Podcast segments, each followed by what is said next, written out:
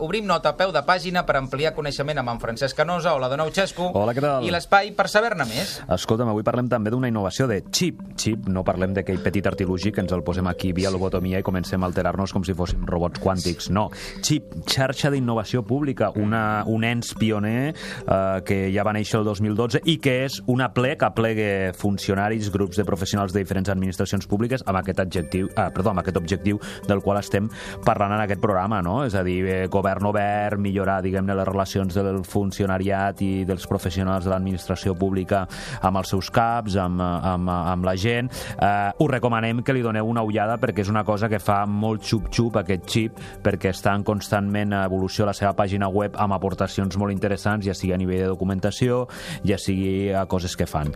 Una altra cosa, saltem. Escolta'm, una cosa que també un document que segurament tots els funcionaris, totes les persones que treballen a l'administració pública ja haurien d'estar remenant. L'ha fet públic la Comissió Europea i és un, uh, un informe eh, sobre que bones pràctiques de govern obert, d'acord? El 2020 totes les administracions públiques i les institucions públiques europees hauran d'oferir a la ciutadania, eh, com a les empreses, serveis públics digitals oberts no? i que siguin eh, transnacionals.